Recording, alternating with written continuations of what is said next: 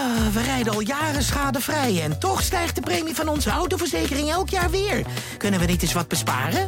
Genoeg van dat stemmetje in je hoofd? Even Independeren. Daar word je altijd wijzer van. Vergelijk nu en bespaar. Welkom bij Independer. Hallo, mijn naam is Gijs Groenteman en ik zit niet in een archiefkast op de redactie van de Volkskrant. Ik zit thuis onder de hoogslaper van mijn dochter om het interview aan te kondigen dat ik heb gehad. Als ik dit opneem is het dinsdagochtend 1 december. Sinterklaas hangt al helemaal in de lucht. En mijn gast is, toevallig of niet, meester in het maken van cadeautjes. Ze heeft een eigen winkel in Arnhem, waar ze haar zelf uitgegeven boeken verkoopt en nog veel meer. Maar vooral die boeken. En ze heeft een eigen eenmans uitgeverij, zoals ze hem zelf noemt, Loopvist. Waarmee ze onder andere de fantastische serie uh, Kakkerlakjes uitgeeft. Het zijn kleine, heel mooi uitgegeven, geweldig geïllustreerde en geschreven boekjes die je op kan sturen. Um, en daarnaast geeft ze ook nog kookboeken uit, onder andere. Uh, ik ga het daarover hebben, over het leven als eenmansuitgever uh, en uh, kleine winkelier in Arnhem. Luister naar mijn interview met Marije Sietsma.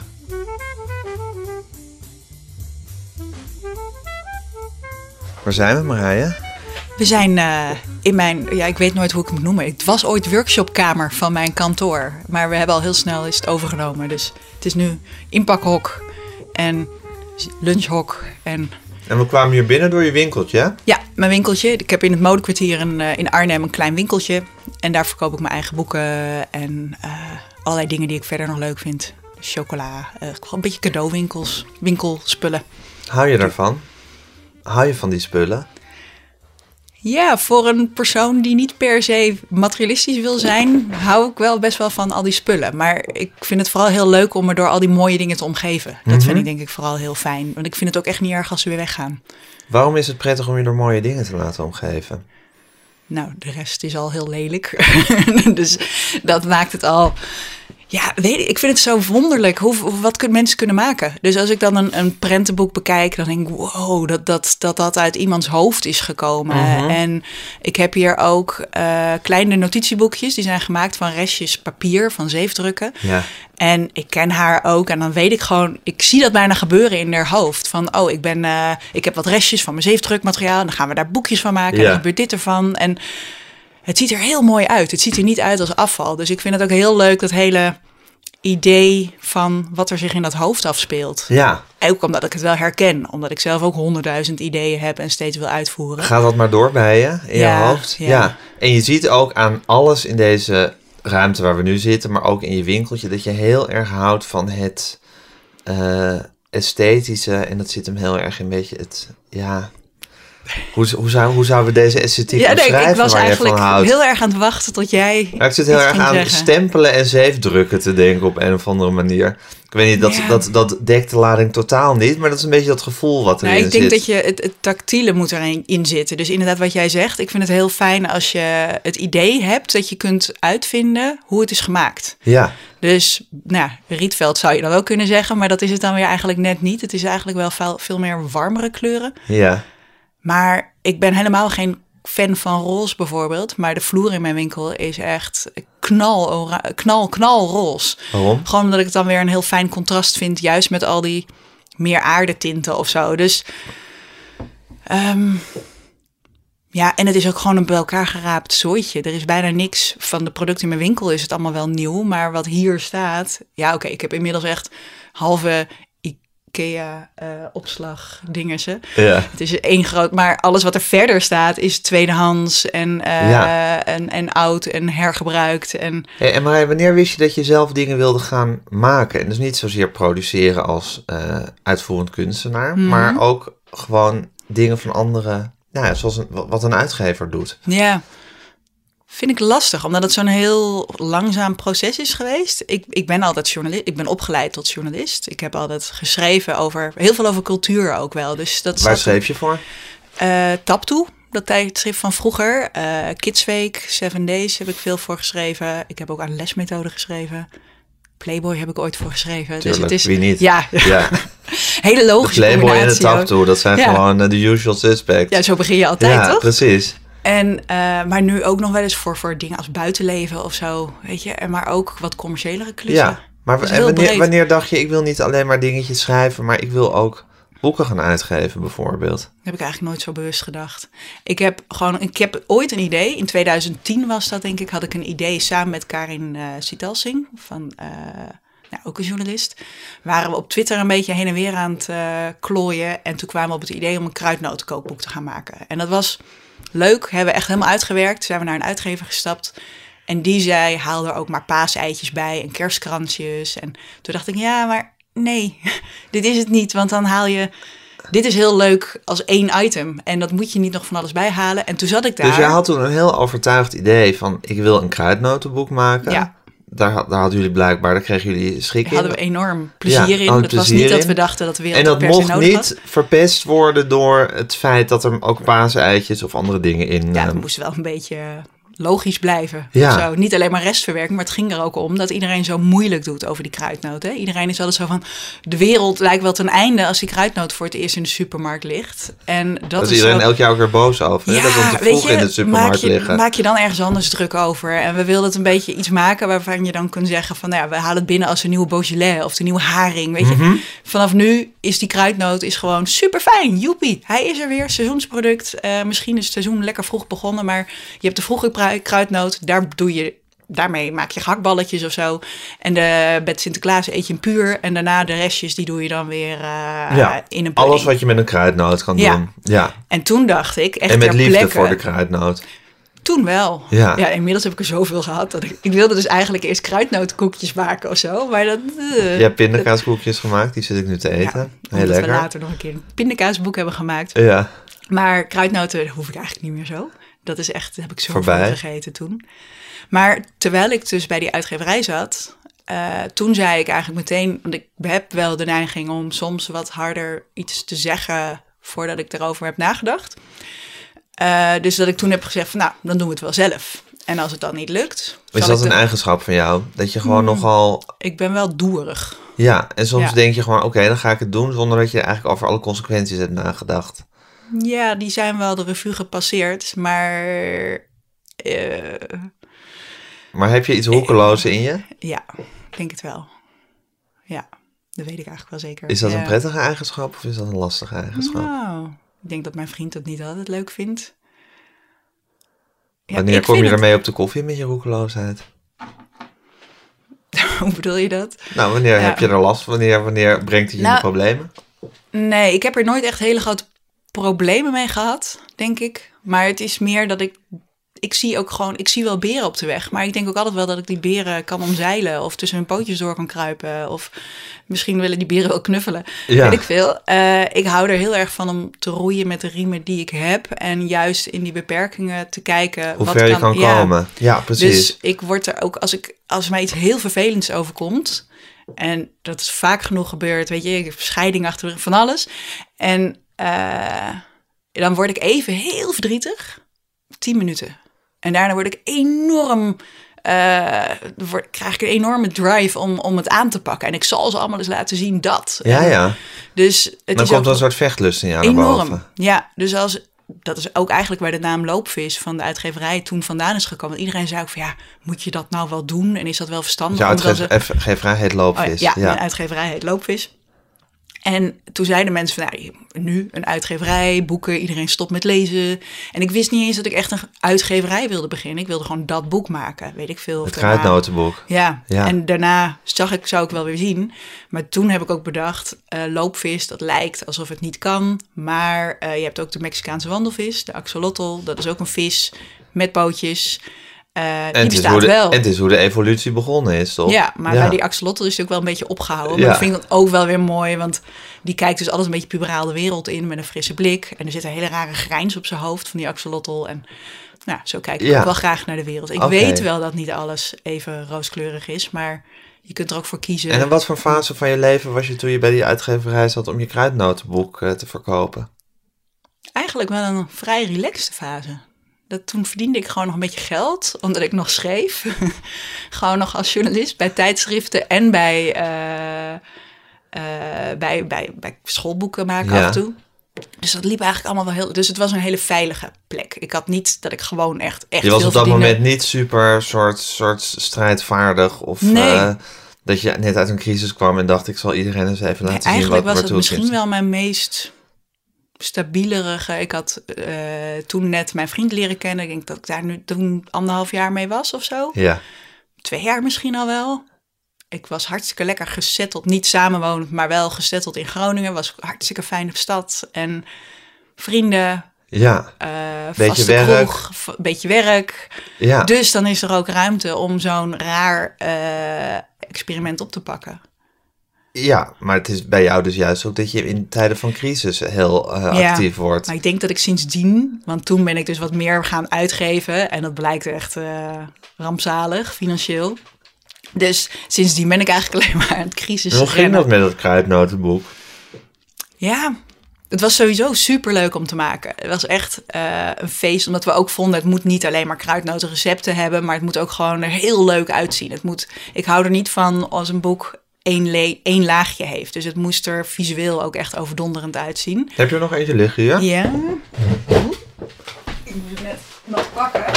Omdat ik even niet meer wist in welk jaar het was. Maar dit was 2011. Ja. Maar we hebben het dus helemaal in 50-stijl gedaan. En dat was nog voordat iedereen dat eh, Ja, helemaal zeker. deed. En we, we hebben eerst gekeken of we modellen konden regelen via via, maar dat was er niet. Dus dat hebben we allemaal zelf. Dus we staan ook, eh, de vormgever Ik staat erin, ik Ja. sta erin, eh, de fotograaf staat er. Iedereen staat er gewoon. Helemaal, Mijn kinderen nog. helemaal gedrest in 50-stijl. Ja, Ja. en een hele toffe hairdresser, Dirk, die eh, onze haren deed. Dat was ook echt fantastisch. Dus, en dan durfde ik het ook wel, want ik vond het doodeng. Ik hou helemaal niet van op de foto staan. Maar dit was Dick echt Zoek, zo. mijn favoriete Ja. kok. Ja, dat is ook een prachtig. Ja, daar hebben we nog wat mensen hebben recepten gevraagd.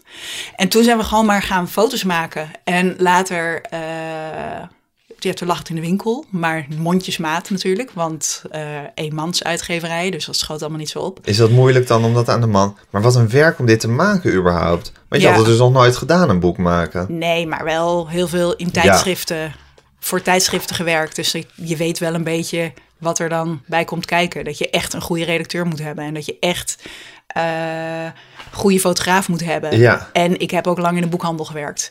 Dus ik, het is niet dat ik totaal bleu dacht. En ik had ook wel eens eerder gekookt. Ja. Ik, dat zit ook in mijn familie, dat doen we allemaal. Dus Ja, het waren allemaal dingen die gewoon mooi samenkwamen. En toen heb ik hem, hoorde ik van iemand, ik weet echt niet meer van wie, dat je iets kon insturen voor de Gourmand Cookbook Awards. En dat was toen nog niet zo'n hele grote, eh, niet zo heel bekende Nee. prijs, maar wel wereldwijd. ja. En hebben we gedaan. En toen wonnen we het best geïllustreerde kookboek ter wereld. Ik zie het, want er staat ook een sticker op de ja, voorkant. Hysterisch gouden preek. Ja, inderdaad. geweldig. En eh, dat hielp. Maar dat was wel in maart. En dat was jammer. Want toen verkochten we deze aan heel, heel, heel veel winkels het kruidnotenkookboek in maart. En dat was echt pre-kruidnotenseizoen. Dus- Niemand zit in maart op kruid, iets met nee, kruidnoten en die te kruidnoten die dan nog achter in dat keukenkastje lagen, die zijn op zich ook al wel een beetje, nou niet over de datum, maar eigenlijk die liggen dan gewoon niet meer. Dus toen moest ik iedereen adviseren, doe het maar met eh, speculaties. Maar toch was het ook wel zo dat, dat is normaal in het boekenvak, dat als een winkel dat vrij ruim heeft ingekocht en het verkoopt niet, dan Ja. komen ze gewoon weer retour. En dan moet Ja. je dat allemaal weer terugbetalen. Dus sindsdien was het mijn boekenstandaard. Zo heel klassiek, weet je, dat je het in de kelder heb je Maar, nog maar een het was dus zo, het boek was in eerste instantie eigenlijk een, nou niet een mislukking, maar een Nee. matig succes. Ik bedoel, het was niet... Het, het- Een gewoon succes, Een want ik had het wel verkocht aan een... toen, kreeg het die, toen kreeg het die prijs, Ja. wat natuurlijk al heel erg leuk is als eh, waardering. Toen werd het vervolgens heel veel ingekocht. Mhm. Ja, Toen bleek het alsnog eigenlijk dat niet waar te kunnen maken, omdat niemand op dat moment op kruidnoten Ja. zat te wachten. maar toen heb ik het gewoon heel En toen het terug? Ik denk dat elke kruidnotenfabrikant in Nederland die personeel heeft, inmiddels zijn personeel dit boek heeft gegeven. Oké, dat is goed. Maar toen heb je ze allemaal terug moeten, weer moeten nemen van die boekwinkels. Ja.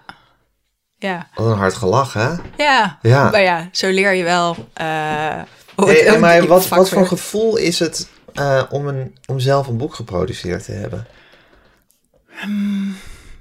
minder spannend. Ik, de, ehm, ik vind het nog steeds heel fijn, maar ik vind het proces vaak vooral heel fijn. Eigenlijk als het boek er is, eh, dan ken ik hem al wel. Zie je, de- zie je ook meteen alweer misschien wat je anders had willen doen? Oh, joh, ik, weet je, als, de nieuwe, als er een nieuw boek komt, Ja. ik, ik, soms doe ik het twee weken lang niet open. Ik vind het gewoon veel te eng, want dan kom je altijd een fout tegen. Je Ja. ziet er niet, dan zie je niet de mooie dingen, dan zie je echt en alleen waarom de hou je fouten. zo van het proces? omdat het samen is met anderen, vaak.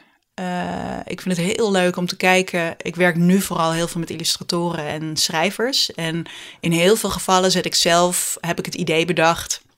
En vraag ik een schrijver om daar iets bij te schrijven. En een illustrator om dat te illustreren. En soms heb ik eerst de illustrator, soms heb ik eerst de schrijver. En dat ik iets bedenk. En ik kan het zelf uitvoeren, dat weet ik ook wel. Maar ik ben niet. Ik, ik, ik heb mijn sterke punten Ja. en iemand anders heeft zijn Maar om sterke dat proces in gang te ja, zetten. ook laatst een heel. komt- Er is nu een. Ik heb iemand, Jente Postema, een schrijfster. Ja. Een hele goeie. Ik kende haar werk eigenlijk nog helemaal niet zo goed, maar een illustrator kwam met haar naam en die stuurde mij een tekst op en ik dacht, wow, dit vind ik echt fantastisch. En op dat moment had ik ook net bedacht, ik wil ook iets maken over voorlezen. Gewoon een, een klein kakkerlakje, komen we zo nog wel op, Ja. over voorlezen.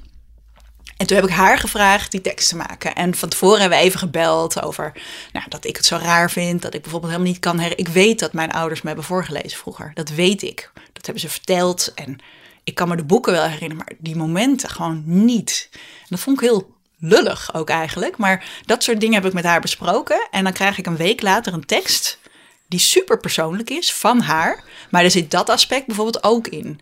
En dan weet ik dus niet of het nou komt omdat zij dat ook zo heeft gehad. Of omdat eh zij dat voor mij erin heeft verwerkt. Maar ik vind het zo mooi, want die tekst is... Ik krijg er compleet kippenvel van. Echt fantastisch. Ja. En dan vervolgens gaat er iemand mee aan de slag en die maakt er weer illustraties bij die ik zelf echt nooit had kunnen bedenken dat dit erbij zou passen. Maar nu denk ik, ja, nee, dat kon ook eigenlijk niet anders. Dit moet het zijn. ja. En dat vind ik, al die mensen die iets kunnen maken, die, Je begeleidt eigenlijk een heel creatief proces. Ja. Daar komt het op neer. ja, ja. ik voel me soms een beetje een soort, soort marionetspeler, Ja. terwijl die marionet eigenlijk wel zelf mag doen Een wat soort hij wil. hoeder van het creatieve proces ben je. Klinkt wel heel Nou ja, goddelijk of zo. Maar nou, als ik ooit in de gelegenheid ben dat mezelf te mogen noemen, dan Nou, het is natuurlijk grappig omdat ik hier natuurlijk in deze podcast heel vaak mensen zitten interviewen die boeken schrijven of dingen Mhm. maken. En dit is eigenlijk één soort tray daarboven of daaronder. Het bedoelt niet, niet hiërarchisch. Een andere tray. Maar het is een andere tray. Ja, een soort. Eh, en daar, daar stop jij toch ook je hele ziel en zaligheid in. Ja. Op een bepaalde manier. Want dat zie je aan jouw boekjes. Dat je aan die kakkerlakjes sowieso. Mhm. Dat je dat doet. Dus er zit heel veel van jou in. En toch is het via, eh, via een ander. ja, misschien ben ik wel zo eng medium of zo. Die dat zo eh, spreekt, zo buik spreekt. Nee, maar ik bedoel meer gewoon dat, dat, Ja. dat, je, dat, dat, het, dat ze toch van jou zijn, die boekjes. Ja, en dat heb ik ook wel, toen ik alleen nog boek, gewone boeken maakte, eh, had ik dat ook steeds. Want ze zijn allemaal best wel heel verschillend. Ja, de boeken die ik heb gemaakt. En er zit ergens iets in dat het loopvis maakt. En soms weet ik zelf ook niet wat het is. Maar dat komt misschien wel terug op dat wat, wat je in het begin zei. Van al die spullen die hebben iets handgemaakt, stempeligs, zeefdrukkerigs. Je ziet, ik vind het heel mooi om te laten zien... eh, de kakkerlakjes, dat zijn kleine boekjes, 16 pagina's om te versturen. Die hebben een cahier-steekje. Gewoon zo'n- cahier-steekje? Een cahier-steekje is zo'n touwtje in de rug. eh, dus er zitten geen nietjes in. eh, maar zo'n touwtje. maar zo'n touwtje. Ja. Wat je, nou ja, eh, je zou bijna kunnen zeggen... het voelt af en toe een beetje alsof het allemaal met de hand is geknoopt. Ja. Het is niet zo, we hebben, er is een machine die dat doet... maar er staat wel één persoon achter die machine... en die, elk boekje is wel echt aangeraakt per stuk... om het onder die machine te leggen. Dus het is ook echt een ambachtelijk ding. En ik vind dat heel tof. Zonder die cahier-steek was een kakkerlakje geen kakkerlakje. Nee. En dat hebben we ook met Koken tussen vulkanen. Dat is een, een kookboek. Ik spreek weer in we, hè. Ik ben gewoon je, maar Ja. ik heb een soort goddelijkheid aangeleerd in de zin van... omdat mensen namen mij ook nooit serieus. Dus dan ging ik maar doen alsof, ik het, alsof het een heel bedrijf was. Oh, Oké, dat is een soort, met, een soort marketingmethode die je hebt geleerd. Ja, marketing, meer de, de, de pedante types die zeggen... oh, het meisje, wat, wat schattig. Ja, zo. precies. En heeft niet zoveel met Dus je deed het allemaal zelf, maar je sprak dan in de eerste persoon meervoud... Ja. om te suggereren dat je een heel bedrijf achter Ja. je had. Ja. Met personeel. En nu zie je ook bijvoorbeeld op mijn Instagram dat ik nog helemaal totaal in verwarring ben van wat is nou de juiste toon. Dus soms zeg ik we, als we samen, want ik heb hier wel mensen, stagiairs en mensen met afstand tot de arbeidsmarkt rondlopen die mij helpen. Heel fijn. Eh, en als ik weet zelf dat we samen iets hebben ingepakt, zeg ik we. Ja. En als ik zelf iets heb gedaan, dan zeg ik ik. En dat is natuurlijk totaal onnavolgbaar voor, Ja. de, voor de mensen aan de achterkant van de maar wat hadden jullie met dat vulkanenkookboek Nou, gedaan? Oh ja, goed dat je het zegt. Ja. Ehm, het ruggetje was knalgroen geverfd en hij heeft, een open ruggetje. Dat klinkt een beetje Ja, naar, maar als een ziekte, maar goed. ja, Ja. Maar het was een hele mooie ziekte. Ja, Mijn moeder had zei ook als eerste van, nou, is, die, is hij nog niet af? ja. Weet je, het, zag, het ziet er heel erg... Je kunt ook weer naar binnen kijken eigenlijk. Je ziet de rug, de binding van het boek. En eh, bij een ander boek hebben we een omslagplaatje... en dat kun je dan weer wisselen. Bijvoorbeeld staat dit achterin een zakje met andere plaatjes... voor als jij dat voorkantplaatje niet leuk vindt. Want wie ben ik om te zeggen welk het beste is? Dat is wel weer heel eh compromisierig. Maar Ja. we hebben wel echt de beste uitgezocht. Maar wie weet hou jij wel van een heel ander plaatje. Dan kun je dus wisselen. Dus juist dat je zelf nog het boek eigen kunt maken... eh, dat vind ik heel belangrijk. Ja, En ik denk dat dat is wat de overeenkomst is tussen alle dingen die ik maak. Je, je, ik schemer er wel doorheen. En dat kan door hele onzinnige dingen zijn. Ik heb ook wel eens een plantenhoes gemaakt van verhuisdekens, omdat ik dat grappig vond dat het dan eh, ja, van verhuisdekens was voor een vissenpost in het thema thuis. ja. En dan zit ik dus mezelf echt gigantisch mee in de vingers te snijden. Want eerst waren er maar 30 bestellingen en toen waren er 80. En toen waren het er 100. Dus En dat moet je heb allemaal 100 van die verhuisdekens zitten knippen en Ja, maar dat is eigenlijk een beetje de story of your life dan. Want dat is natuurlijk begonnen met dit kruidnotenboek. Ja, ik doe het wel zelf. Ik heb die peuterfase misschien Je doet niet, het eh, zelf en het is niet per se, je gaat er niet rijk van worden. Het maakt je leven niet per se makkelijker. Nee, niet het is niet zo dat het, dat het, een, dat het een lekker geëffend eh, carrièrepad is. Nee. Eh, en toch heb je daar blijkbaar een soort obsessie voor opgevat dat je het wilde doen. Ja, Waarom heb je na dat kruidnotenboek niet gedacht, ik ga gewoon lekker doorschrijven? Dit was een heel grappig, eenmalig avontuur, ik laat het hierbij. ja. Dat was best wel, was wel heel slim geweest, denk ik. Om dat te doen. ja, dan had ik niet nu nog zoveel boeken gehad. En zoveel... eh, ik heb nog best wel veel boeken liggen, liggen er, weet je. Omdat in het begin zeiden boekhandelaren... eh, van, want die wisten het natuurlijk, hè, die deden dit al jaren. En ik was, kwam net kijken. Van ja, bij dit eerste boek is het nog uit sympathie. Maar daarna moet je echt de regels volgen van het boekenvak. Want anders gaat niemand het inkopen. Nou, en ik volg dan ineens de regels van het boekenvak. En dan blijkt dat eigenlijk helemaal niet per se zo te werken. Je Nee. kunt beter die kleine underdog nog blijven soms. Dus ik heb ook een kleine periode gehad dat ik er tussenin hing. Dat ik wat boeken heb gemaakt die net wat minder dat, dat tactiele gevoel hadden. Dat, dat loopvisgevoel. Ja. Wel gewoon prima geproduceerde boeken. Maar dat kon iedereen. Weet Ja. je? Dat waren geen specifieke loopvisboeken. En ehm, Maar je wist eigenlijk, na dit boek, van ik moet, dit, ik moet dat loopvis, daar moet ik mee door. Dat kan ik niet laten, laten Nee, zitten nu. Nou, er was nog één. Ik wilde heel graag ook nog een stampotboek maken. Vooral omdat ik gewoon wilde laten zien toen van, goh, eh, er kan heel veel. Ik had niet eens heel veel met stampot, maar eh, ik was een stampot te kok tegengekomen en ik heb zelf heel veel met groenten. Dus ik heb dat altijd groenten, allemaal weetjes en dingen bedacht. Voor, je kunt ook nog lijm maken van aardappel en hoe haal je de kleur uit de bietjes. Dus echt een beetje die tap to National Geographic Junior Ja. hoek waar ik al in zat. Dat heb ik daarin helemaal uitgespit. En toen had ik eigenlijk de twee projecten die ik per se wilde doen. Kruidnoten en stampot had ik gedaan. En toen kwam mijn drukker met een boek. En dat was dat koken tussen vulkanen. Ehm, wat, die, hij kon geen uitgever vinden, die, die man die dat had gemaakt. En het is een hele goede vormgever, een hele goede typograaf. Stront eigenwijs, net zo eigenwijs als mijn drukker. En misschien ook wel net zo eigenwijs als ik dan dus ook. Ehm, en ik zag dat, ik dacht, wauw, niemand wil dit. Ik, ik heb misschien soms ook wel een beetje een moeder Teresa complex of zo. Dat ik dan denk, ah, wat zielig, want dit moet de wereld zien, want het is En zo... roekeloos. Ja, Ja. en dit is zo mooi, zo mooi. En overal was hij afgeketst, omdat hij ook het per se op een bepaalde manier wilde uitgeven. Nou, ik vond dat prachtig. Dus dat met dat ruggetje en dat knalgroen geverfde. En eh, nou, we samen helemaal dat proces doorlopen, heb ik uitgebracht. Maar ook weer juist bij de juiste prijzen ingeschreven. Dus die won en kookboek van het jaar en best verzorgde boek in de selectie zat hij. En bij die Gourmand Awards werd het ook nog weer best Italiaanse, weet ik veel, ik weet niet Ja. meer wat voor.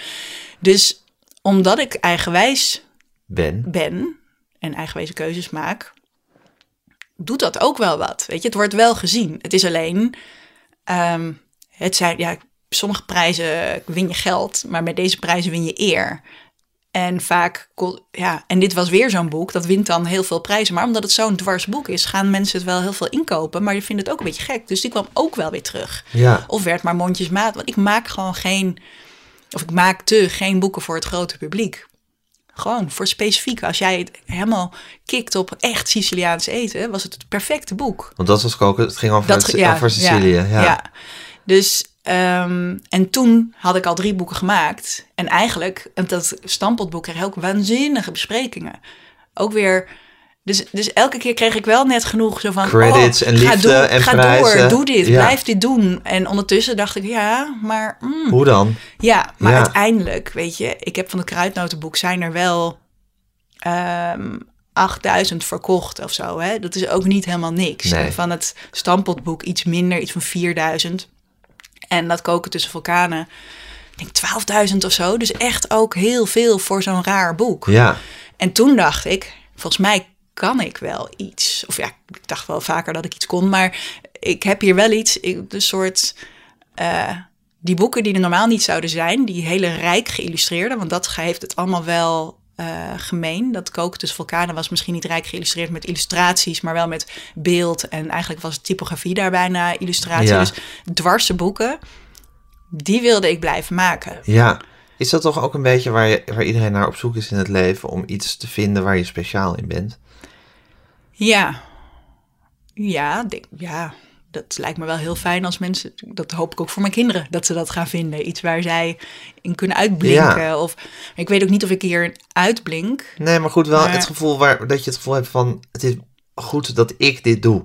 En niet Ja. iemand anders. Misschien dat je bij dat schrijven meer had van... Ja, dat, dat, dat kan ik goed, maar dat kunnen honderd anderen misschien... Mhm. kunnen deze artikelen ook schrijven. Weet ik niet hoor.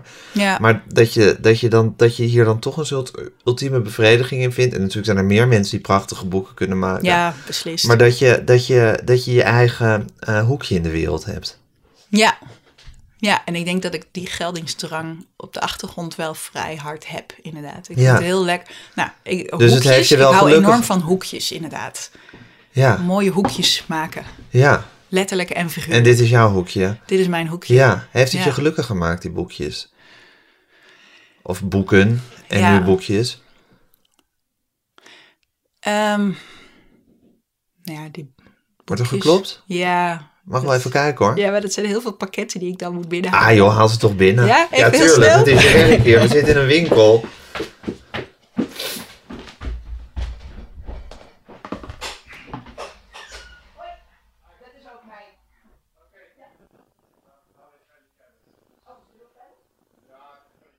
Feestseizoen, hè? Extra verpakkingen. Nou, dat zijn natuurlijk best belangrijke dagen en tijden voor jou. Ja. Ja. Even eigen. ja, nee, dat, dat, ik moet het hier wel van hebben ook, deze Ja. maand. Ja. En ook omdat ik gewoon... eh, nou ja, al die boeken die dus in het verleden niet zo hebben verkocht... probeer ik eh, deze dagen ook extra hard te slijten. Omdat ik...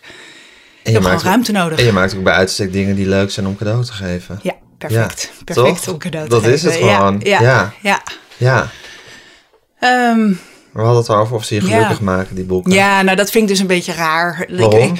Ben je erachter wat geluk is eigenlijk in het leven? nee, we hebben wel een van de eerste boekjes die ik maakte, was het geluk te begrijpen. En wat betekent dat, het geluk te begrijpen? Nou, dat is een aforisme van Kafka, dus daar kun je nog heel veel langer over na gaan denken of zo. Dat, ik, ik weet het niet. Ik weet nooit zo goed wat geluk is. Eh, ik kan ook heel makkelijk heel gelukkig zijn om echt totaal dat, een, eh, dat doolhof wat ik je net liet zien van ja, je hebt tevoren. een poster een, van een gigantisch doolhof gemaakt. Ja, voor in een vissenpost over thuis. Ik maak themapost en die wordt om de zoveel tijd verstuurd. En daarin kan ik dus ook mooi al die ideeën kwijt. Want dan denk ik, oh, thema thuis. Dan maak ik dus zo'n Wat is vissenpost? Ik heb een beetje veel dingen, hè. Ehm Nou ja, vissenpost. dat is blijkbaar hoe jij in elkaar zit. Ja, Je houdt van projectjes, ja, van dingetjes. ja. Ja, Ja, Vissenpost is, eh, dat heb ik vier, vijf jaar geleden ben ik daarmee begonnen. Dat is om de maand krijg, of zeven keer per jaar krijg je dan, abonnees krijgen een pakket, brievenbuspakket, gevuld met allerlei dingen rondom één thema. En dat is vaak, hangt dat bijvoorbeeld, toen ik eh pindakaasboek kwam, kwam uit, toen deed ik eh, thema sticky. Allemaal plakkerige dingen erin gedaan. Recepten, eh pindakaas zat er ook in. En met thema thuis zit er dus zo'n doolhof om de weg naar huis te vinden.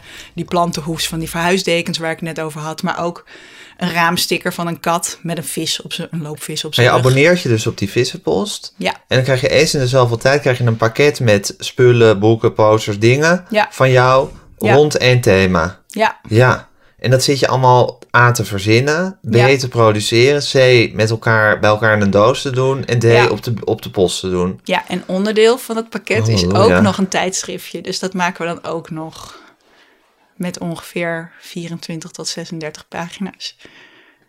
Het slaat nergens op, ik weet het. dat zeg ik, als ik dit dan hardop zeg, dan denk ik, oh, help, waar ben ik allemaal mee bezig? Maar het is wel heel erg leuk. En ook met die visbode van dat magazine wat in de vissenpost zit. eh, daar kan ik ook stagiairs, want ik heb regelmatig stagiairs van de kunstacademie. Zowel illustratie als eh, vormgeving. Die mogen daar van mij helemaal los. Want wanneer mag je dat ooit? Je mag tijd- tijdens je stage, mag je meestal moet je juist heel erg in de pas lopen. En met een bepaald. Ja, Ja. en koffie zetten. En En stil zijn. ja, Ja. nou dat stil zijn waardeer ik soms ook wel heel erg. Maar ze mogen ook best praten. Eh dat klinkt ook heel fout. Maar daar kunnen ze wel totaal los. Ja. Weet je, je mag, eh, wil jij... eh, ja, maar los of die stagiairs, jij, houdt, jij bent gewoon helemaal gek, Marije, op soort ik dacht daar knutselprojectjes. Ja, maar weet je, ik- dat knutselprojectjes vind ik Nee, daar maar, ook een haat lief, want ik hou helemaal niet van het gevreubel. En, nee, maar het doet me wel... Ik, ik maakte vroeger als kind heel veel... Maakte ik ook een krant ja. en dingen enzovoorts. En ja, dat is, dat is zo heerlijk om een project te hebben. ja, en het is lekker afgebakend. Ja, En wat ik dus wel weer leuk vind, omdat ik dus ook die winkel heb. Ik heb bijvoorbeeld voor eh, een, een themapost over recyclen, ja. heb ik blikwikkels bedacht. Dat is voor, bijvoorbeeld voor tomatenpuree blikjes, kleine stickertjes met schubben, print, uiteraard dan, moet een beetje vissig blijven. Die kun je eromheen plakken, dus heb je een doosje krijg je met eh, zes van die stickertjes. Om, om een tomaten krijg je zes wattenschijfjes erin, tuinkerszaadjes en een instructie. Want dan heb je voor elke dag precies een portie tuinkers. ja. Want als ik tuinkers koop, dan denk ik elke keer, ja, dat is al precies net te veel. Want ik wil niet vier dagen achter elkaar. Dus als je dat dan zelf zaait in precies zo'n blikje, dat is perfect. En dan ben ik dan in mijn eentje even heel gelukkig mee met dat idee. En dan kan ik het nog even uitdragen ook. En dan, dan heb ik dat in zo'n doos gestopt. Ik heb er nu een paar van die bakjes in de winkel. Het zit ook in de antiverveel Doos. doos. En dat is weer een soort doos die je dan maakt, die kan je kan kopen. Dan weet je niet wat erin zit van Ja. tevoren. Maar die is tegen verveling. Ja.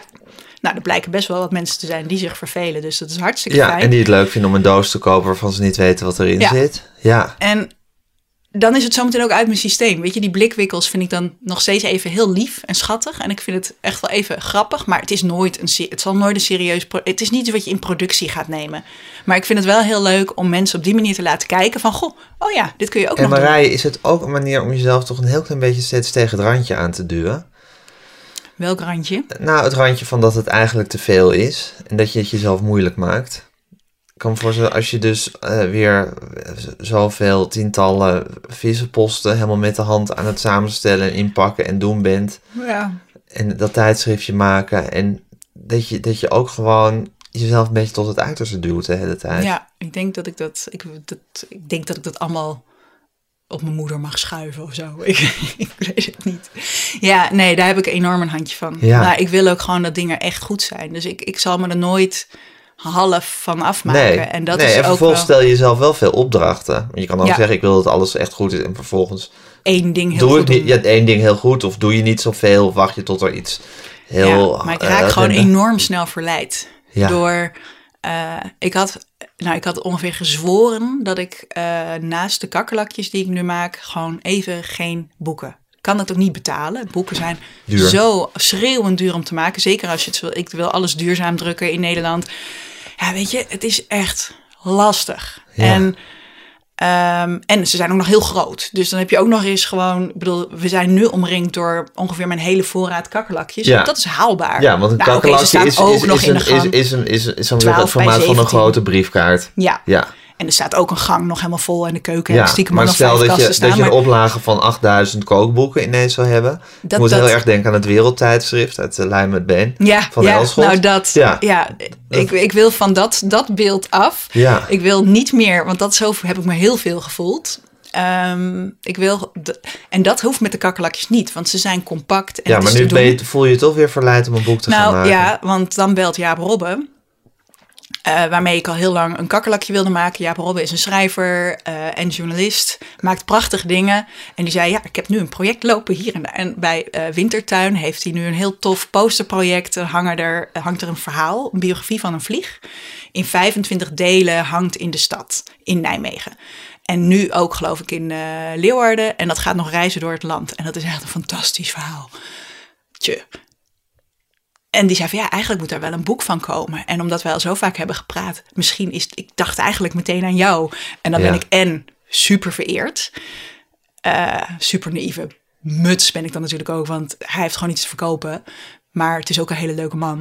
Um, en je krijgt gewoon zin om dat boek te maken. Ik wil dat boek maken. Ik zie het direct voor me hoe dat moet worden. En toen dacht ik, oh, als, als Paul Fase dat nou zou kunnen illustreren. Want daar wil ik ook al heel lang een kakkerlakje mee maken. Maar Paul Fase is heel um, eigenzinnig. Die weet heel goed wat hij wil en wat hij niet wil. En die wil ook heel veel dingen niet. Dus elke keer als ik met tekstsuggesties bij hem aankwam van is dit dan wat voor een zei hij, reageerde die op een gegeven moment niet eens meer van ja, laat haar maar uh, pruttelen.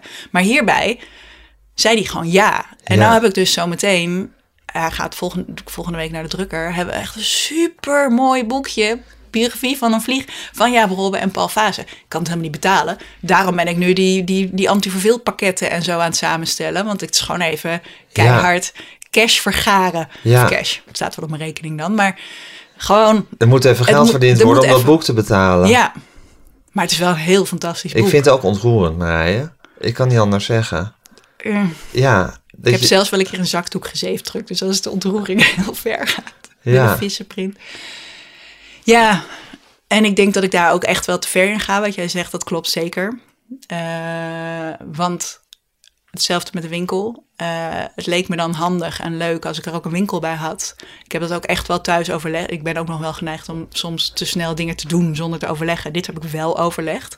Van ja, maar dan kunnen we toch lekker zaterdag allemaal hier gezellig ontbijten en lezen we hier de krant. Ja, dat doe ik misschien wel eens, maar dat doen we niet met het hele gezin natuurlijk. Ik sta hier gewoon op zaterdag in de winkel en zij moet het zelf doen. Um, daar baal ik natuurlijk ook wel eens van. Maar ik wil die winkel, moet, ja, als, die dan, als ik die heb, dan moet die ook gewoon open zijn. En mijn vriend zegt ook wel eens van ja, weet je, voor die zes mensen die soms komen op een dag, want het is niet in een drukke winkelstraat. Waarom sta je hier de hele hier? dag? Want zijn wij dan minder belangrijk? En zo voelt dat totaal niet. Ik vind mijn gezin veel belangrijker. Maar ik heb me eraan gecommitteerd, dus ik moet het doen. En dat is onwrikbaar in mijn systeem. Dat, dat, dat zal heus iets zijn met ja, wat, je hebt wat je bent aangegaan, dan moet je afmaken. Nou ja, het is ook een soort uh, wat mensen altijd zeggen over kunstenaars. Dat gewoon dat als je uh, kunstenaar bent, dat de kunst gewoon toch altijd op de eerste plek komt. Wat je ook verder doet. Ja. En uh, ik heb toch het idee dat, dit, dat deze dingen jouw wezen bepalen, zou ik maar zeggen. Ja, ik zou, ook al zou ik 20.000 miljoen krijgen, ik zou dit blijven doen. Ja. En waarschijnlijk niet één, want ik hou juist ook van dat klooien met restmaterialen. En dus ik denk niet eens dat ik er heel veel meer geld aan zou uitgeven. Ik zou, meer, ik zou misschien eindelijk een beetje meer mecenas kunnen zijn. Of zo, dat ik meer mensen in staat kan stellen. Maar om iets te maken. Maar goed, ik heb soms af en toe ook wel een beetje het gevoel dat ik dat al ik vergeet, ik vergeet mezelf altijd. Dus ik maak wel sommetjes van hoe zit het nou met de break, met, met de financiën. En dan denk ik, ja, maar weet je, als we nu voor echt linnen kiezen in plaats van neplinnen, dan, nou weet je, dan spelen we kieten, dan verdien ik maar niks, want het is zo mooi. En dat is echt mijn grootste. Ja, maar dat is dus fascinerend, dat inderdaad als je dan voor echt linnen kiest in plaats van neplinnen, er waarschijnlijk geen, geen ziel op de wereld, nou, een enkele ziel op de wereld. Het ja, de, de, de zielen die uh, het zien. En juist de zielen die dat echt zien, dat zijn. Uh, ik word ook echt. Ik zag laatst ook weer een boek in de winkel liggen. En dan denk ik van, oh, ik weet niet waar het over gaat. Boeit me ook niet. Ik wil dit hebben. Het is zo mooi. Ik heb het trouwens niet. Ik heb me even ingehouden. Ja. Um, voor die mensen, daar de, de blijdschap die, daar, uh, die ik dan teweeg kan brengen bij die mensen, die vind ik veel belangrijker maar dat is ook wel weer flauw. Ik geloof niet dat het de blijdschap is bij andere mensen, dat het daarom gaat. Het is een soort persoonlijke bevrediging. Hmm, het is een grote masturbatiesessie of zo. Ja, goed, zoals het leven één grote masturbatiesessie is. Uh, dat, je, dat je toch, dat, je, dat, dat het is zoals je vindt dat het moet zijn. Ja. Dat het gewoon... Ja, ja.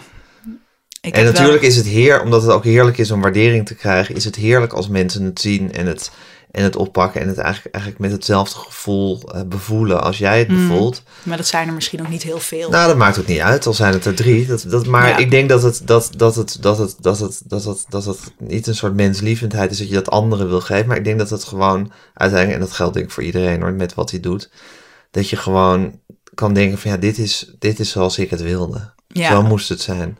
ja, daar heb je wel gelijk in. Ja, en dat is toch ook heerlijk? Maar dat is toch ook fantastisch dat, dat, je, dat je door zoiets wordt voortgestuwd in het leven. Ja, maar het voelt ook dan ehm, wat egoïstischer dan ik mezelf voel. Maar misschien ben ik gewoon egoïstischer dan ik mezelf voel. Ik denk dat iedereen uiteindelijk egoïstisch is. Ja, Ja, ja. voor wie Ja. moet je het anders doen dan als het niet voor jezelf is? Ik bedoel, je moet toch... Voor het nageslacht of zo. Ja, Ja, dat ook is ook, een beetje pathetisch. ook het nageslacht is, heeft iets heel egoïstisch. Ja, die van mij zijn 17. Die zijn, is er een egoïstische leeftijd dan dat? Ja, en sowieso dat je je eigen nageslacht, dat je ook weer zo zit te freak op je eigen nageslacht. Ja. Ja. Nou, ik heb Hoe ben je als moeder? Nou, ehm, mijn kinderen die wonen voor het grootste deel van de week bij hun vader. Ja, Omdat die is arbeidsongeschikt. En eh, we hebben dat. Nou, we zijn, we, ze waren twee toen wij gingen scheiden, dus echt jong. We hebben een tijdje co-ouderschap geprobeerd, maar ik werkte toen al vol tijd en mijn ex helemaal niet.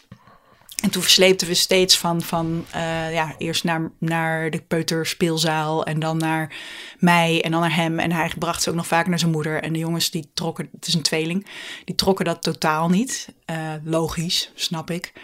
Eh, en toen hebben we er op dat moment heb ik ervoor gekozen van nou, laten we ze dan bij hem zijn. Dan werk ik gewoon heel hard om dat financieel te compenseren. Dus ik heb ook gewoon lukraak een alimentatiebedrag genoemd. Zo van nou, eh, Dit dit, moet betaal ik, ik. dit betaal ik. En dan moet het goed komen. En toen ben ik gewoon heel hard gaan werken. Alleen nog maar heel hard gaan werken. dan heb je En ik- jezelf ook weer tegen de rand gezet. Ja, dat, Ja. Dat, ik, ja, dat doe ik gewoon wel vaker. En eh, toen heb ik ook heel verantwoord, heb ik eh, hier in Arnhem-Zuid, daar heb je zo'n echte Phoenix-wijk, weet je zo, echt heel ver weg, echt ver weg, maar echt zo'n keurig huis gehuurd. Want dat, ja, echt keurig, weet je, echt Truman Show was het, weet je. De, de buren waren letterlijk een kapper en een vrachtwagenchauffeur en niemand woonde daar in zijn eentje en ik wel. En dan kwamen de kinderen af en toe langs en, of af en toe, die waren er dus de helft van de tijd. En dan stonden er ook van die kindjes voor de deur van, kan, kunnen Krijden en Jelle komen spelen? En ik was doodongelukkig daar. Want het was gewoon... Al, en je hebt dan de illusie dat je kunt werken... terwijl je mm, de kinderen slapen of zo. Nou ja, een tweeling van twee destijds... Ja, ik weet niet hoor, maar er zijn niet... En als journalist kun je moeilijk midden in de nacht iemand bellen... van ja, ik heb nu eindelijk tijd om je te interviewen. En bovendien ben je midden in de nacht ook met ze bezig. Weet Ja, ik uit enige oh, ervaring als journalist met een tweeling van twee. Ja, nou, dat. Dus eh, dat heb ik toen eigenlijk, weet je, opgegeven. Klinkt een beetje lullig, maar ik dacht, van, ja, dan hebben ze in ieder geval stabiliteit. Ja, Maar de eh, juridische gevolgen waren daar wat groter van dan ik dacht. Want dat is eigenlijk ook nauwelijks meer terug te draaien. En nou, als journalist verdien je ook niet altijd even stabiel. Dus die alimentatielast die ik mezelf had opgelegd, bleek ook wat ambitieus. Goh. ehm, dus daar hebben we best wel veel, is vrij veel gedoe geweest. ah, En ehm, dus ik heb op een gegeven moment moeten accepteren, de jongens wonen daar. Ik heb ze, zoals een klassieke man eh, Ja. vaak heeft. Eh, ik- weekend. ja, in het weekend. Om het weekend eigenlijk vaak zelfs. Maar eh, in de vakanties wel echt gewoon de helft. En het lastige is, normaal gesproken is de ouder waar de kinderen wonen, is de strenge. En die andere is het weekendmodel. En bij ons was het een beetje omgekeerd. Dus dat is echt wel een beetje naar voor de kinderen. Want ik ben vrij, ik was veel consequenter. Of eh, consequenter, weet ik niet. Hij was heel consequent vrij. Ja. En ik ben. eh, consequent streng. Of in ieder geval nee, duidelijk in hoe je het wil. ja, ze moeten wel af en toe helpen of Ja. zo, weet je. En ehm, dat, heeft, dat, dat, was wel, dat is wel lastig. En mijn ouders zijn ook gescheiden, dus ik weet ook precies waar die valkuilen zitten. Dus ik probeerde dat verschil ook weer niet te groot te maken, want dat vond ik zelf super lastig. Dat bij mijn vader alles mocht en bij mijn moeder totaal niks. Ja, Daar, ik ben ook hartstikke vroeg uit huis gegaan, dat ik dat echt totaal niet trok, die eeuwige touwtrekkerij. Maar ik zie het dus nu toch ook ergens wel, niet, niet bewust, maar ik zie dat het wel patroon gebeuren. zich herhalen. Op een bepaalde manier wel, omdat wij zo verschillend zijn. Ik Ja. en mijn ex echt zo verschillend en totaal tegenovergesteld in het leven staan, denk ik ook. Dus dat is voor de jongens echt afgrijzelijk, denk ik, eerlijk gezegd. En zij kunnen daar super goed mee omgaan. Nou, misschien is het voor de jongens ook wel eh, duidelijk. Nou, Of leerzaam tenminste misschien. leerzaam. Ja, nou, ze komen goed ten beslagen ten ijs voor, de, voor hun volwassen Ja, maar goed, kinderen zijn ook niet gek. Dus die snappen ook heel goed Ja. dat, dat de, ene, de ene persoon heel anders in elkaar zit dan de Ja. ander. Ja, dus ik weet niet zo goed wat voor moeder ik ben. Ik was altijd wel heel blij dat ik sommige hele toffe... Ik, weet je, eh, omdat ik voor jeugdbladen schreef... kreeg je af en toe een keer een vrijkaartje voor een persdag. Of een dag voor een persdag van de Efteling. Nou, kon je op een dag zonder rijden, kon je naar de Efteling. Of eh, een vriend van mij, die eh, werkt heel nauw samen met André Kuipers. Dus we hebben allerlei boeken van André Kuipers staan. We konden naar de shows en allemaal dat soort dingen, weet je. Dus dat journalistiek, je hebt gewoon bepaalde mensen ken je. En alleen soms ben ik dan weer veel meer onder de indruk. Als ik dan bij Tae Chong King, een hele goede illustrator, interview had gedaan. En dan kreeg ik voor hen allebei een heel mooi boek van hem gesigneerd mee. En dan zaten ze, oh leuk. en daar Ja. hebben ze nooit meer ingekeken. Terwijl ik dan dacht, wow, je hebt... Ja, Ja. dus ik denk dat ze... ehm, Maar kan, kan je goed met jezelf leven als moeder? nee, nee, vind ik echt totaal kut. Ja, echt? Ja. Maar ik vind niet dat ik een slechte moeder ben. Ik, had het, ik ben gewoon ook vrij goed in spijt cultiveren, denk ik. Ik heb gewoon heel erg spijt van Hoe het gegaan hoe ik is. het ooit heb aangepakt. En dat had ik, mm, ja, met de kennis van nu, hè, eh, had ik dat gewoon anders moeten doen. Had ik niet eh, die keuze moeten maken om ze dan grotendeels daar te laten Je wonen. hebt ze te veel uit handen gegeven, vind Ja. je? Ja. Niet in mijn hart. Nee, maar... Nee, eh, juist niet er in je hart. Dat is juist het hele Ja. probleem. En als ze er zijn, dat heb ik ook meteen toen besloten. Van als ze er dan zijn, dan doe ik ook geen andere dingen. Dus eh, ik ging heel veel stappen altijd. Maar het weekend dat de jongens er zijn, niet. Weet je? Of afspraken. Dan zijn we, en ook mijn familie heeft daar ook wel onder te leden gehad, denk ik. Om te lijden omdat eh, normaal is het leuk als je kinderen een keertje... Mijn, ik heb twee zusjes, twee broertjes. Het is best leuk als de kinderen daar eens zouden logeren. Maar ik ga ze echt niet in mijn tijd Laten, laten logeren. Want dat gaat van mijn tijd af. Ja. Ja, dat is heel stom. Ja. Maar ik ga er wel naartoe. Je vindt dat je gewoon... Maar dat, dat je Ik wil alle tijd die ik alles met moet ze heb. gekoesterd worden. Ja. Maar goed, dat is ook weer tegenstrijdig. Want ik sta dus ook op zaterdag in een winkel. Mijn eigen winkel. Heb ik mezelf aangedaan. En dat gaat ook van hun tijd af. Dus dan bedenk ik weer smoesjes. Jongens, komen jullie anders gezellig hier? En dan gaan we even gezellig wat eten. En dat doen ze, want ze zijn nu ouder. Dus ze werken hier ook wel eens. En dat vinden ze ook wel leuk. Al is het geen echt werk. Ze gaan liever afwassen in een restaurant. Want dat is echt werk met echt loon. En dit is ook echt loon. Maar ik ben geen echt bedrijf natuurlijk volgens hun. Maar ja, dat is lastig. Maar ze zijn wel heel leuk. En volgens mij, ze schamen zich, volgens mij, ja, als ze dit zouden horen waarschijnlijk wel. Maar in principe hebben we nog een, ze vinden het nog leuk om mee op vakantie te gaan. Ze, we, we hebben echt heel veel plezier samen Ja. in de keuken Ja, maar los van, dat, los van dat alles, en je bent vast een super lieve moeder. Maar je, het is met enige spijt in je hart dat je denkt: ik heb toen, ik heb, ik heb eigenlijk te veel eh, afstand van ze gedaan. Ja, Ja, Ja. ik had gewoon meer tijd met ze moeten hebben. Mhm. Ja, ja. Ik denk ook dat mijn vriend had denk ik best nog kinderen gewild. Maar ik zou dat hebben gevoeld als een tweede leg. Waarbij ik tekortkomingen uit het verleden ga proberen goed te maken of zo. Dus dat doe ik niet. Ik ga dit even zo goed mogelijk doen met wat er nog is. maar ook met een tweede leg erbij kan je Ja, dat weet ik. Sorry, jij hebt een tweede leg. ook, Zeker, maar- nee, ik voel me ook helemaal Ja. niet aangesproken. Nee, maar, ik weet ook dat het een on- onredelijke kronkel is in mijn hoofd. Maar ik weet ook eh, hoe ik ben met mijn werk. Weet je, dus een tweede leg. Ja, klinkt ook weer zo stom, maar die zou er ook niet. Mijn vriend heeft ook een hele drukke baan. Ja. Dus we zouden er ook, dat zou ook best wel super ingewikkeld. Hij is ook altijd weg. Hij Ja. werkt in de topsport.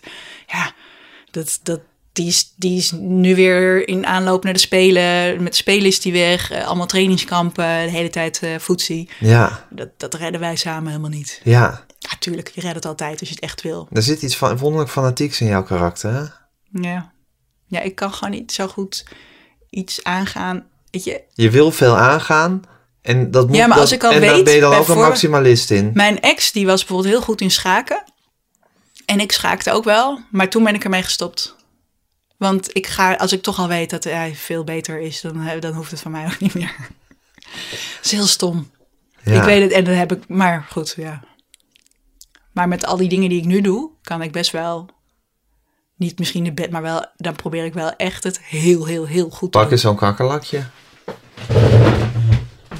Ook meteen mijn een hele dikke favoriet in dit moment. Altijd eindig ik bij jou. Dit vind ik ook heel tof, want dit is een eh, boekje met gedichten over zussen. Ja. En ik werk ook wel samen met kunstacademies. ja. En dan gaan allemaal studenten gaan, eh, een kakkerlakje illustreren. En dat wordt gewoon beoordeeld. Het is gewoon een schoolopdracht. En Ja. dan krijgen ze van mij heel veel feedback. Ik schijn overdadig veel feedback te geven. Maar dat vind ik ook geen slecht iets. En als ze dan echt heel goed gelukt zijn, dan kan het zijn dat ik hem dus daadwerkelijk uitbreng. Ja. En dit is er zo een. En ik vind het heel tof omdat juist door met studenten te werken. Ik werk ook met hele bekende gevestigde. Sylvia Weven heeft er ook eentje gemaakt. En gewoon grote namen. Maar, of Merel Cordewener. Maar ook Corduwener. Cordewener. Ja. Jij hebt er nog gesproken. dus- Zeker. Ehm, ik vind het gewoon tof, want zij durven dingen te doen die gewoon totaal, weet je, het gaat over zussen en je ziet helemaal niet, ja, je ziet ergens twee mensjes, maar het is die intensiteit van kleuren en het, het- zij verbeeldt het heel knap. Ja. Maar een Smit is dit trouwens, maar dat doet ze zo goed en dat vind ik ook heel leuk, dat je, ehm, zo kan het ook weer een platform zijn voor, voor jong talent. Ja. En dat vind ik, Maar je ja, houdt er gewoon van als dit boekje er is. Ja. En als het die cahier steek heet het. ja, jij steken. De cahier steek heeft. Ze zijn zo mooi van kleur. Ja, het papier en het is voelt lekker. lekker. Ja, en ik heb er nog een, bok, een bewaarboxje bij gemaakt, zodat het helemaal af is, zodat je ze ook mooi in de boekenkast kunt zetten Ja. van cederhout, want het ruikt heel fijn en dat voelt heel zacht. En ja, ja. Is dat wat het leven mooi maakt? Ja, ja, beslist. Lekker eten en fijn papier. Mooie dingen. Lekker eten en fijn papier. Ja, en muziek, maar ja, daar hebben we nu even. Daar hebben we nu even niks aan. Nee. Nee. Want dat is ook, weet je, dat ik En maak over ook muziek gaat het al zoveel. Voor fijn papier gaat het minder vaak. Ja, maar ik probeer dus nu muziek op fijn papier te maken. Dus dat we dit soort kakkerlakjes maak ik met songteksten van eh, muzikanten.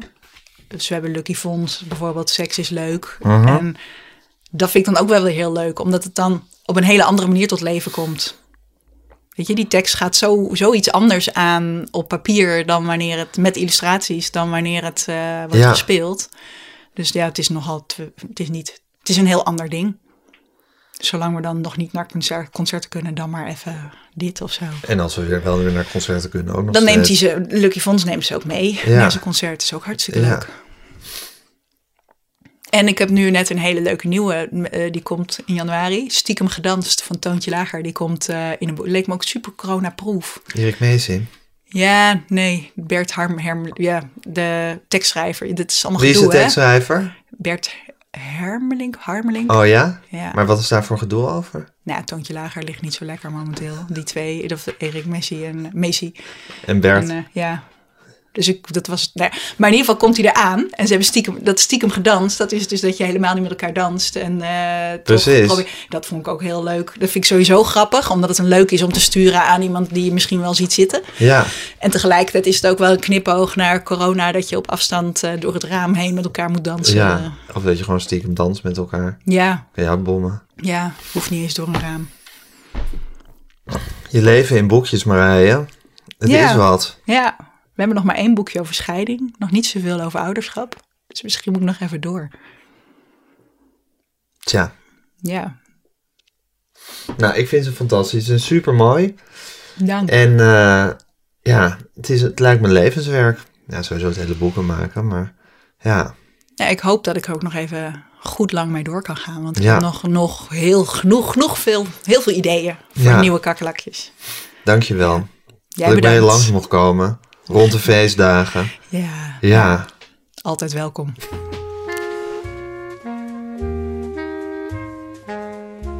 Dit was Met Groenteman in het Nieuwe Normaal met Marije Sietsma. Mijn naam is Gijs Groenteman. Ehm, ik maak deze podcast samen met Daan Hofstee. U kunt zich abonneren op deze podcast op alle mogelijke manieren. U kunt ons een mailtje sturen.